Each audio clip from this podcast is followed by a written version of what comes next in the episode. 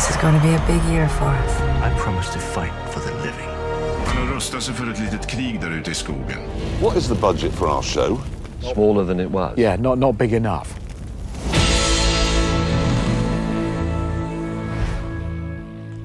Hi, and very welcome to a new episode of Streaming Podden, the new brand new uh, version of it. We're speaking in English, we will have guests, and we are focusing on open source. So we're still in the streaming area, um, but focus a little bit more on open source and, and software development.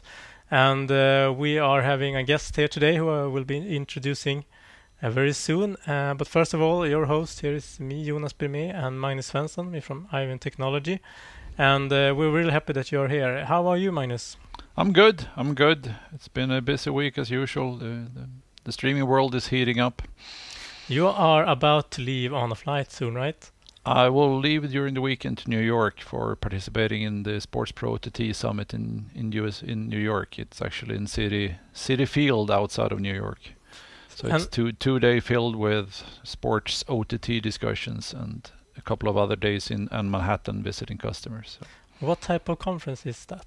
it's actually a mix between a sports uh, sport leagues. The the big leagues are there. The big sports streaming providers are there, and the vendors in the space. It's arranged by a a media organization called Sports Pro.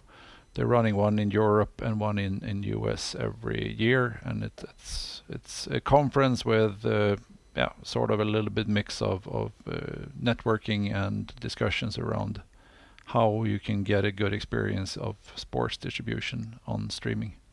Super interesting topic. And there is another podcast uh, which I think we can recommend in that area.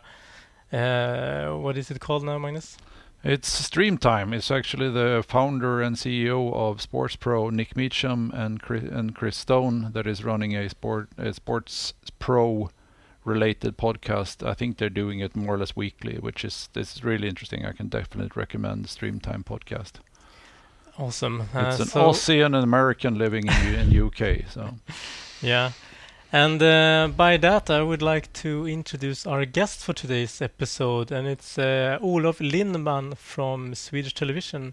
Um, welcome to our pod. Thank you very much for having me. Hello. All right, for for those who are listening and doesn't know who Olof Lindman uh, at Swedish Television is, uh, will you tell us a little bit about yourself? Who are you?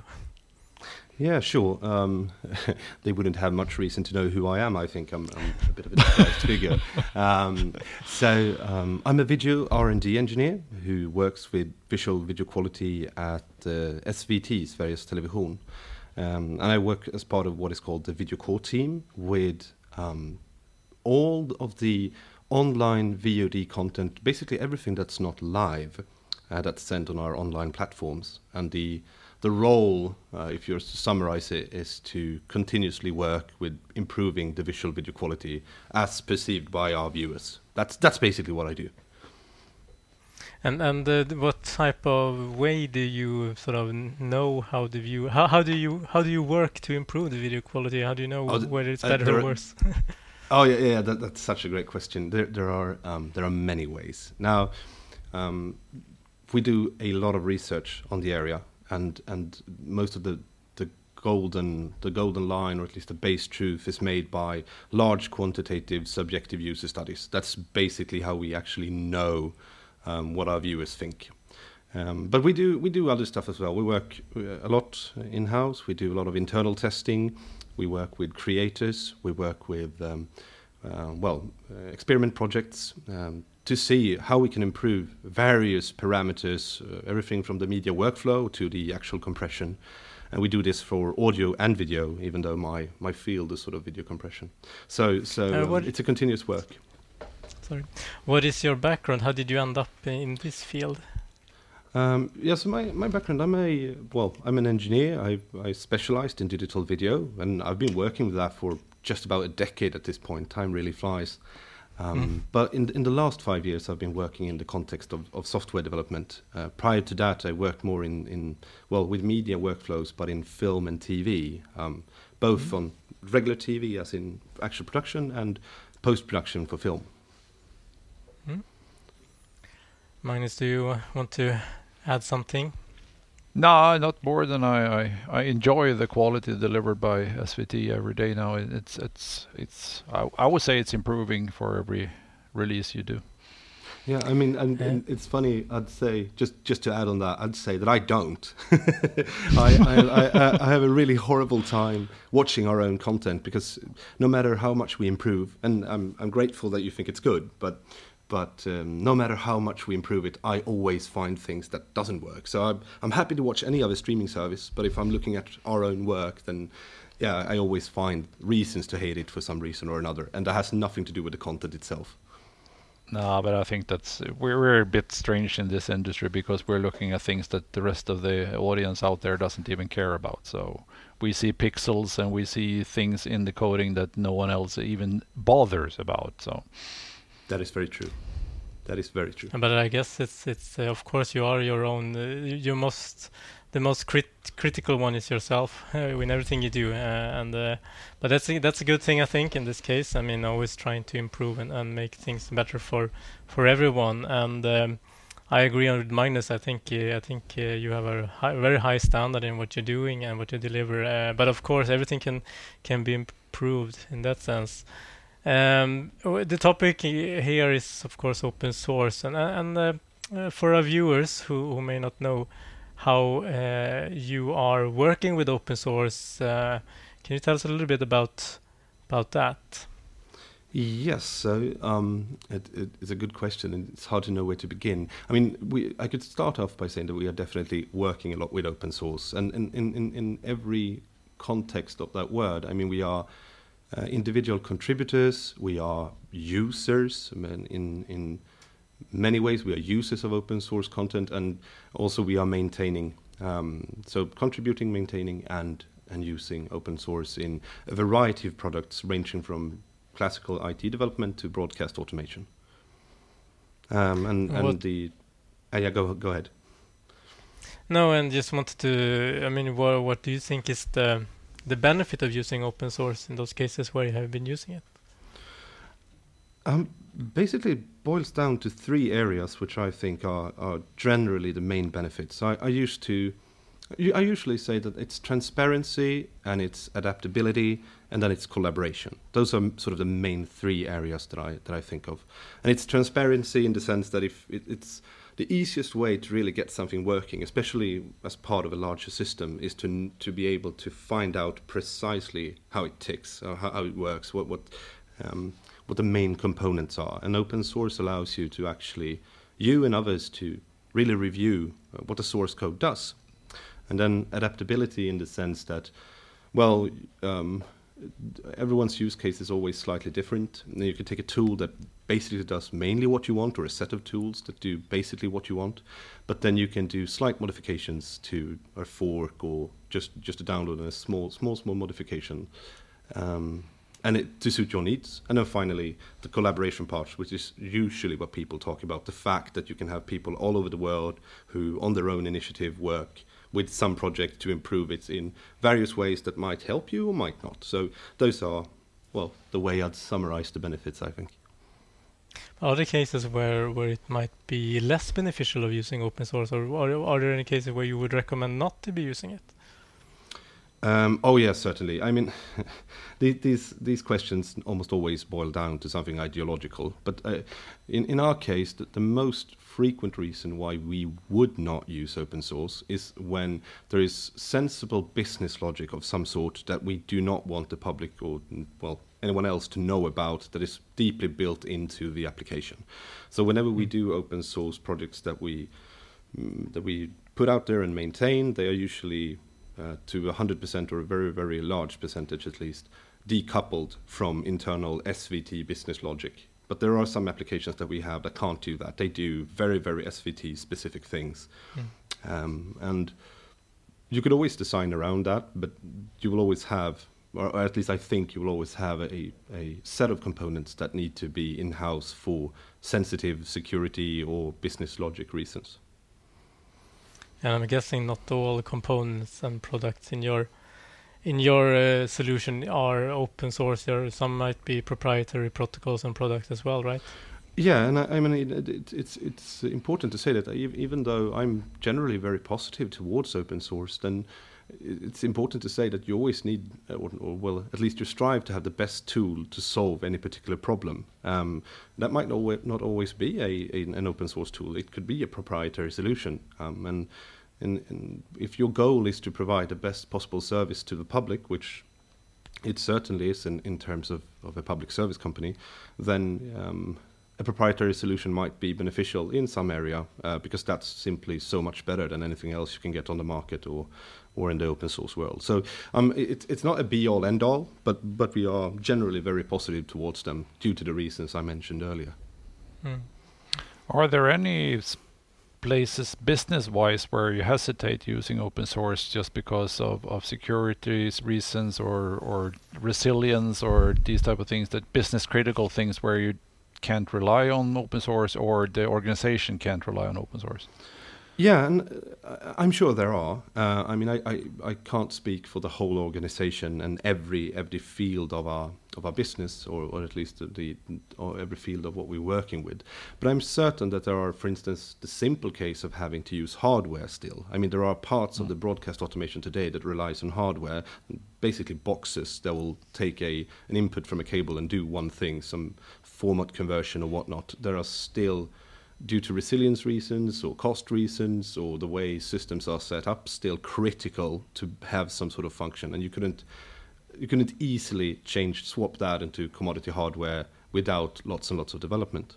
But then I'm certain there are pure uh, software instances where we actually hesitate to at least open sourcing solutions simply because there are something is sensitive uh, or, or might be due to some security reason. Then again, just to, to give to give both sides the due, um, my take is that it's generally more secure to use open source solution because then at least you know any vulnerability that is found will be um, will, will the, the light more people will look at possible vulnerabilities in a source code if it's open. Hmm. I agree on that. I think that from a security perspective, I always argue that transparency is the best security in that sense. I mean, you can't hide, you can't, you can't uh, do any shortcuts, and and say you can't say that you do one thing and then you do another because that will be evident. But if it's closed source, then you can, so you can say, yeah, we fixed this, or it is, uh, we don't share, we don't leak any data to anyone else, or etc. etc. Uh, but you can never know for sure. But if it's open source, then you can actually see whatever this code is doing, and that is uh, uh, more secure in, in my view, at least. So, but mm. again, I mean, of course, if it's not that's one thing, of course, using tools that are open. But there are things where you, whether you want to open your own logic or business logic, but that's another another thing. And and maybe not some the community might not benefit from very specifics that that's very tied to whatever system you have, for example. Exactly, and and I think I think it's the main gripe I have with open source. If I'm to criticize one thing in particular, I would say that the the um, area or industry or whatever you'd call it, the community as a whole is still pretty immature in terms of how you go about solu- uh, solving things financially.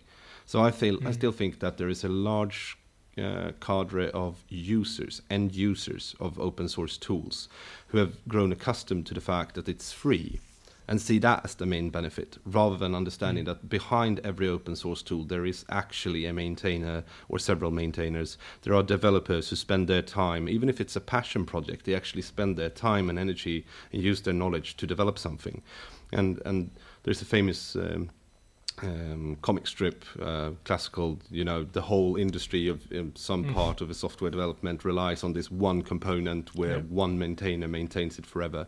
And it's it's true that uh, I, I, certainly hope that in the future um, there will be more and more uh, organizations finding ways to finance um, or at least reimburse people who develop open source solutions that are used by large companies. I mean, it's it's it's a lot better now than it was five or ten years ago, but it could be even better.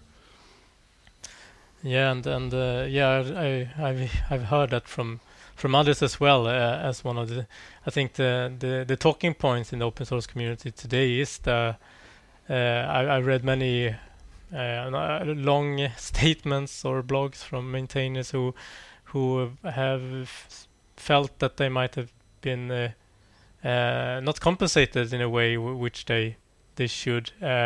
And I mean, it, you come to which point to a certain point you start as a passion project you you do it maybe to get appreciation and and, and cred and all those things and uh, but that uh, doesn't uh, pay your bills and exactly you might exactly. want to spend the time with your family friend or or girlfriend or or kids and not fixing that critical issue that uh, that makes the internet fall apart uh, if it's not fixed uh, on your in your spare time. So it's not sustainable. I totally agree on that. I don't have a silver bullet solution for how it could be sustainable. I'm not saying that, but I think it's good that this is something that actually has been is on the agenda, uh, and I've seen some different initiatives in this area, which I hopefully we can can uh, bring in in this podcast uh, further on. Talks about that, but um, yeah, I mean, uh, and and uh, and then my of course question, which you may you can choose to answer it, or if you if you don't want to, but. Uh, so how, is, is SVT contributing back in, in, in any way? So my honest answer, I think that's that's also a really good question and one that needs to be posed often, uh, because I think that as an organization we don't. Um, I would say that there is there, there are passionate individuals. There, I mean, SVT, if I may brag, if I may brag on their behalf, SVT is filled with really talented developers who work here because they they enjoy the the problems that we solve, and many of them are either uh, active contributors to various projects or actually maintainers themselves. I mean, SVT maintains uh, a couple of really really solid open source uh, projects. I mean, the oldest one that people know about is Caspar, which is nowadays mm. decoupled and its own thing. But but it started off with, with passionate individuals at uh, SVT, and and there are others as well, Valkompassen and and so on that that we can discuss later. Um, but but the, the so we do a lot of that contributing and maintaining, as I sort of mentioned earlier. But it's done from from the individuals, and it, especially when it comes to financing. I mean, we we don't have any framework at all. If say that SVT found that a particular open source project could be financed to solve a problem that we would have in broadcast or streaming or what have you, um, it would be uh, at least I think really suitable to to spend invest money uh, in improving an open source tool, having developers or a, a certain company work on, on improving that instead of, of investing in in a completely new solution um, that mm. that's coming from somewhere completely different and rearranging because there's always some integration you have to do. But we don't have any framework for that today. And that doesn't mean that we won't have it in the future. It doesn't mean that it isn't being worked on. The discussion is running around the company. But, but nowadays, it's up to passionate individuals who, who, are actually, who actually love the projects they are contributing to. I think it's also it can be a challenge for a, for an organization like yours but other uh, larger companies as well to just, I mean, they can. It's even if they would want to. Okay, we are using this component. Of course, we we want to fund or sponsor it somehow. we want to pay someone to actually develop something we need. It's not that easy to.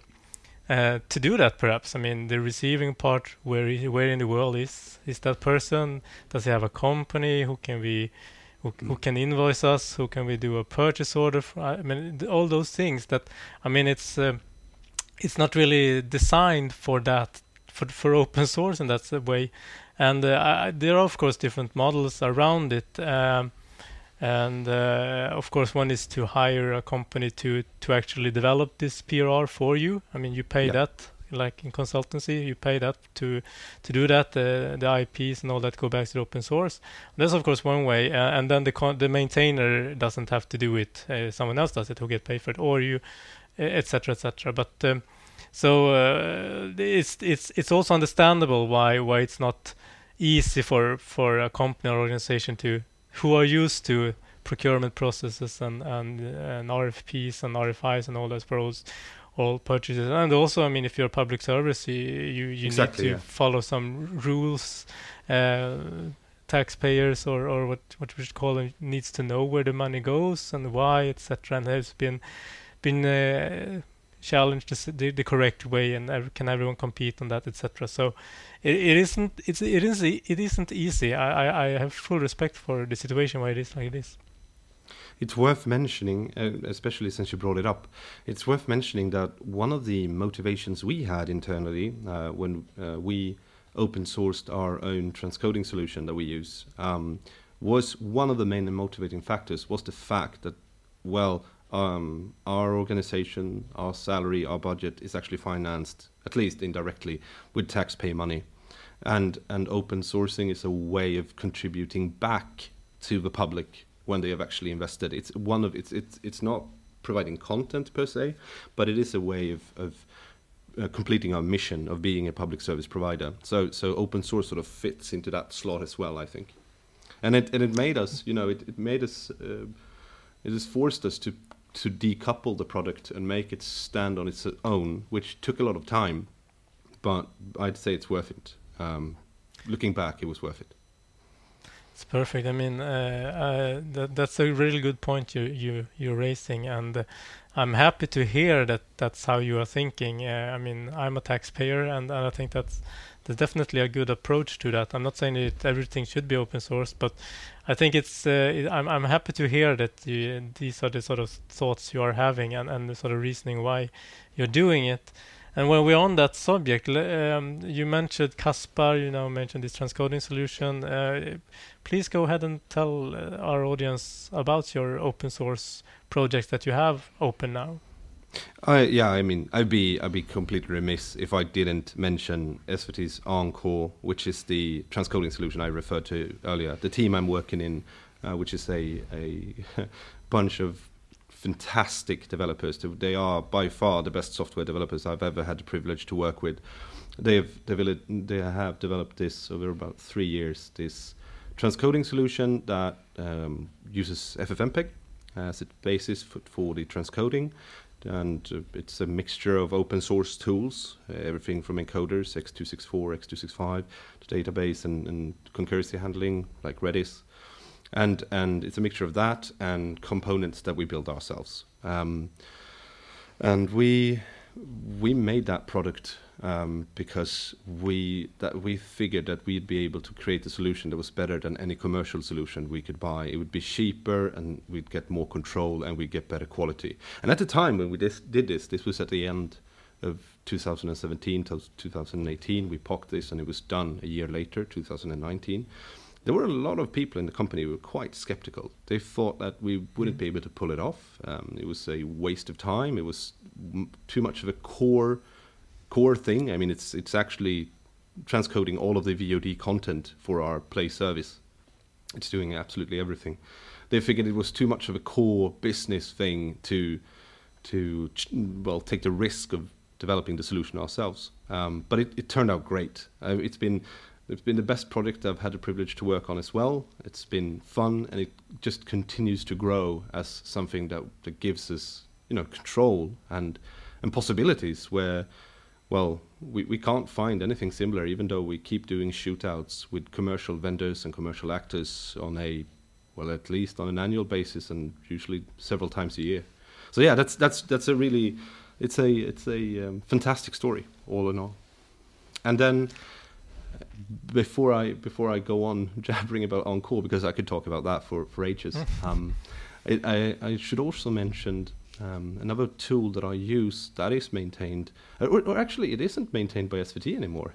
it was maintained by my former colleague, uh, which is called Vivict. It's a very simple, straight to the point um, uh, video comparison tool that we use daily, which was mm. also an example of a, a well.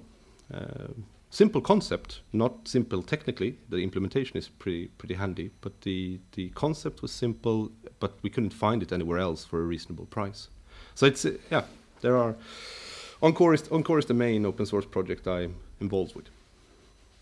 But that uh, the video comparison, you are, is it something that pops up to to viewports and you, you compare visually, or is it? Yeah, yeah, exactly. Mm. So it's a it's a um, Uh, there, there are two versions of it: one desktop version and one sort of browser version. And it's it's really just play two two videos at the same time, decoding it using uh, web um, the browser in the terms of the, the browser version, or FFmpeg in the terms of uh, the desktop version, and just look at two videos um, and to do a quick side by side comparison of video being played and being able to zoom and, and sort of Mm. fast forward and reverse, just being able to fire that up quickly and compare two versions of something, it's so handy. Instead of having, you know, to, to start up an NLE or some sort of, Mm. of um, compositing tool.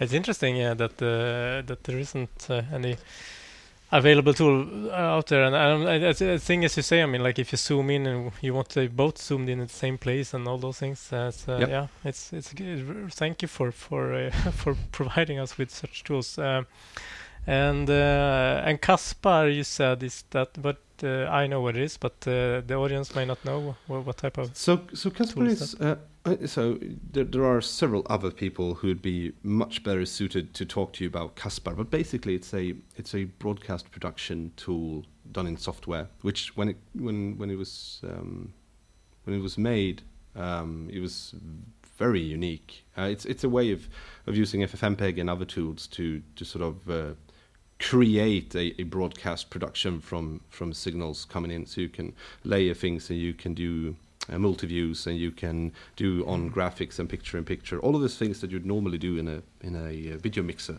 Um, and and you can record and there are all sorts of things you could do. I, again i'm um, I'm selling it short because it's a fantastic tool, but it's used all over SVT and other broadcasters as well to do all sorts of things. Magnus, uh, what would you say if if we look at uh, sort of the the broader picture in the streaming industry? What's your what's your view or, or summary in, in, in this area? Uh, are are all, are more people doing similar things as Sveriges Television or?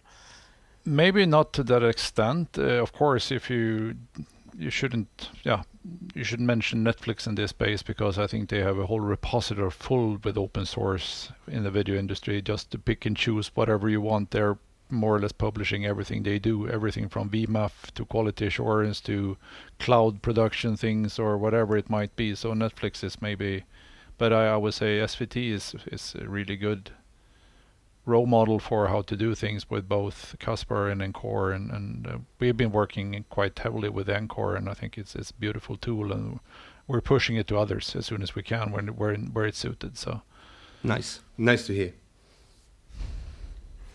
Yeah, and then I think it's. Uh, I mean, FFmpeg, as you mentioned. I mean, I guess there's no one in this industry that doesn't know about that tool. Uh, but it's one of the most.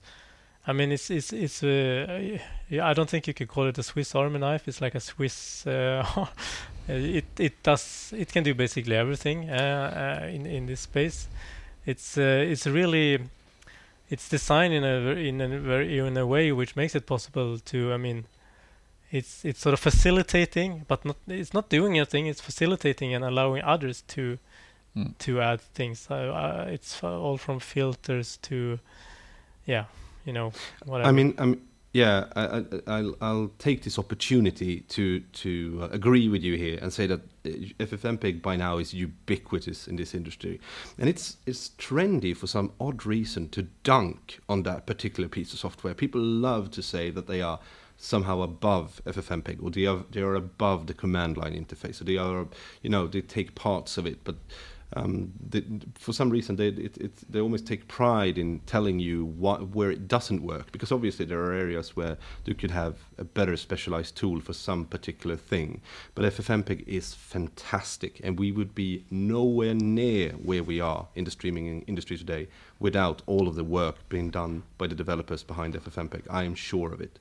And we use it in Encore. I usually say that remove FFmpeg and uh, the video industry will die. Yes, yes. I mean, we use it in Encore. We, Encore basically is an, an I mean, it, the solution is an, an orchestration and concurrency of queues where we create very, very large, nigh non-human readable command lines uh, for FFmpeg. It's basically the same thing as if you'd use it yourself by hand, just that we we create them programmatically, and we have a lot of analyzing uh, going on prior, and we have some filters that are our own. But but we create FFmpeg commands, and it works beautifully for everything we do. So yeah, um, I, I think it's a really fantastic tool, and I take every opportunity I can to say that you know um, we should be very thankful that it exists. Yeah, and on that topic, I have to I have to mention as well that we have a colleague that that's really dive deep into the the different things you can do with FFmpeg and exploring all different types of filters and all that. And he's publishing uh, Uh, a, a, a, post on our Instagram, Eyevinn Technology Instagram, every day with some and and uh, I mean I've been using FFmpeg a lot, uh, but I, I personally learn a new thing every day when I go into that Instagram and see that, and it's really, I mean, it's just for fun. I mean, many of those things. I mean, okay, when when do I when do I want to generate a Mandelbrot? But you know, you yeah, can. Some of them really weird, but but you never know. I mean, you never know. exactly. And and, and and and to be fair, I mean, there are things we are doing now in the in the context of our transcoding engine Encore that that I did not ever imagine we would do. Most of them have to do with accessibility and audio rather than video mm-hmm. and filtering. Mm-hmm. But but still, I mean, the, the, and the possibilities have always been there for us. And again, when they haven't, we have submitted a patch and and mm-hmm. you know hoped that they would finally. Um, either take it as is or modify it and take the modified version, and that's always worked so far. So um, yeah which and, and we yeah. I can't say the same for commercial vendors um, who have not prioritized us when we have some issue that needs to be fixed. Mm. Yeah, and on, and on the talking about different open source project, uh, I mean, of course, I guess you would recommend FFmpeg, but uh, are there any other um, projects out there that you would recommend our, our listeners? It doesn't have to be uh, streaming related; it could be something else.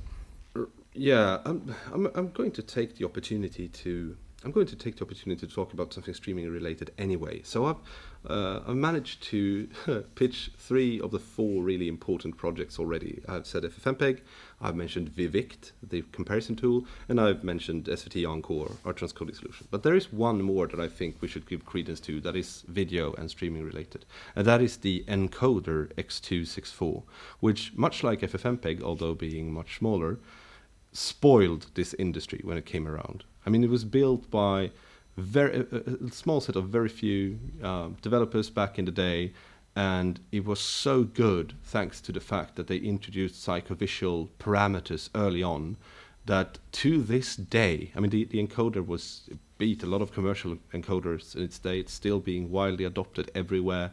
We use it, and to this day, people use it as a baseline to bash new encoders whenever they do not deliver uh, uh, or or they're being too sensitive. You have to tune them really, really, really well. Um, so whenever a new encoder pops up, they bash them because they are so used to how good X264 was, and they don't appreciate, they do not appreciate how much work went into creating that product and how well it worked. So I'd, I'd recommend X264 and H264 open source encoder being used widely in the industry. Excellent. Uh, thank you for that. Uh, before we, we wrap this up, Magnus, do you want to give our audience some some news or latest? What is happening in the streaming industry? Yeah, I think the latest that might not have been that big in, in Europe, but in, in US was the first, maybe not the first, but very first in the in the now is uh, live streaming from Netflix. They've built a whole new live video pipeline based on the software they already had, they are still using their their open caches and and or the the caches the cache machines and they had. They had a Chris Rock live concert or live audience show and it it from what I understand it was successful. Everything was running smoothly. The quality was great. And uh, I think Netflix by that will sneak in more live shows and more of those things. There are rumors that they will do sports. I think they're quite far from that but live shows like comedy shows and, and other things like that. It's and uh, it unfortunately was in the middle of the night for us in Europe, so we couldn't really enjoy it. And but uh, I think that that is sort of the buzz in the industry now that that they have revamped their video pipeline to also handle live in a good way. and now they have advertising, they have live, they have video on demand. They're getting into a complete streaming platform, and I'm pretty sure we'll see some open source components coming out of that as well. Did you watch uh, Chris Rock, Olof, or did you did you sleep? No, I didn't. But I'm I, I, I completely agree with Magnus' assessment. I think it's a uh, a big thing happening in the industry, and it's really interesting to see that development as well. Even though I'm not working with live, it's still interesting technology. So um, yeah, it will it'll be uh, be fun to see how it develops going forward. Yeah, absolutely. Because it, it's many people have been saying that Netflix is the only VOD. It's a much much simpler video pipeline and all these things. You have all the time in the world to do the encoding, and suddenly now they're proving that they can do live as well, which is completely different when it comes to timing. You have the live element, you have the the latency things to take care of, Yep. and now they're proving that they can do that as well. So I'm pretty sure we'll see open source component coming out of it and and and other other learnings out of it. Mm. But also from a distribution perspective and caching and all that Mm. must be must be different, uh, different at least. But uh, yeah, it's uh, I mean hats off. They they pulled it off and and as you said, it it uh, sounds like it went well. So uh, maybe not the first to do live in the industry, but um it's it's uh, Netflix first. Mm. It's it's always always great to see excellence uh, being put to practice, regardless of who's doing it and in what context. So I agree. Yeah.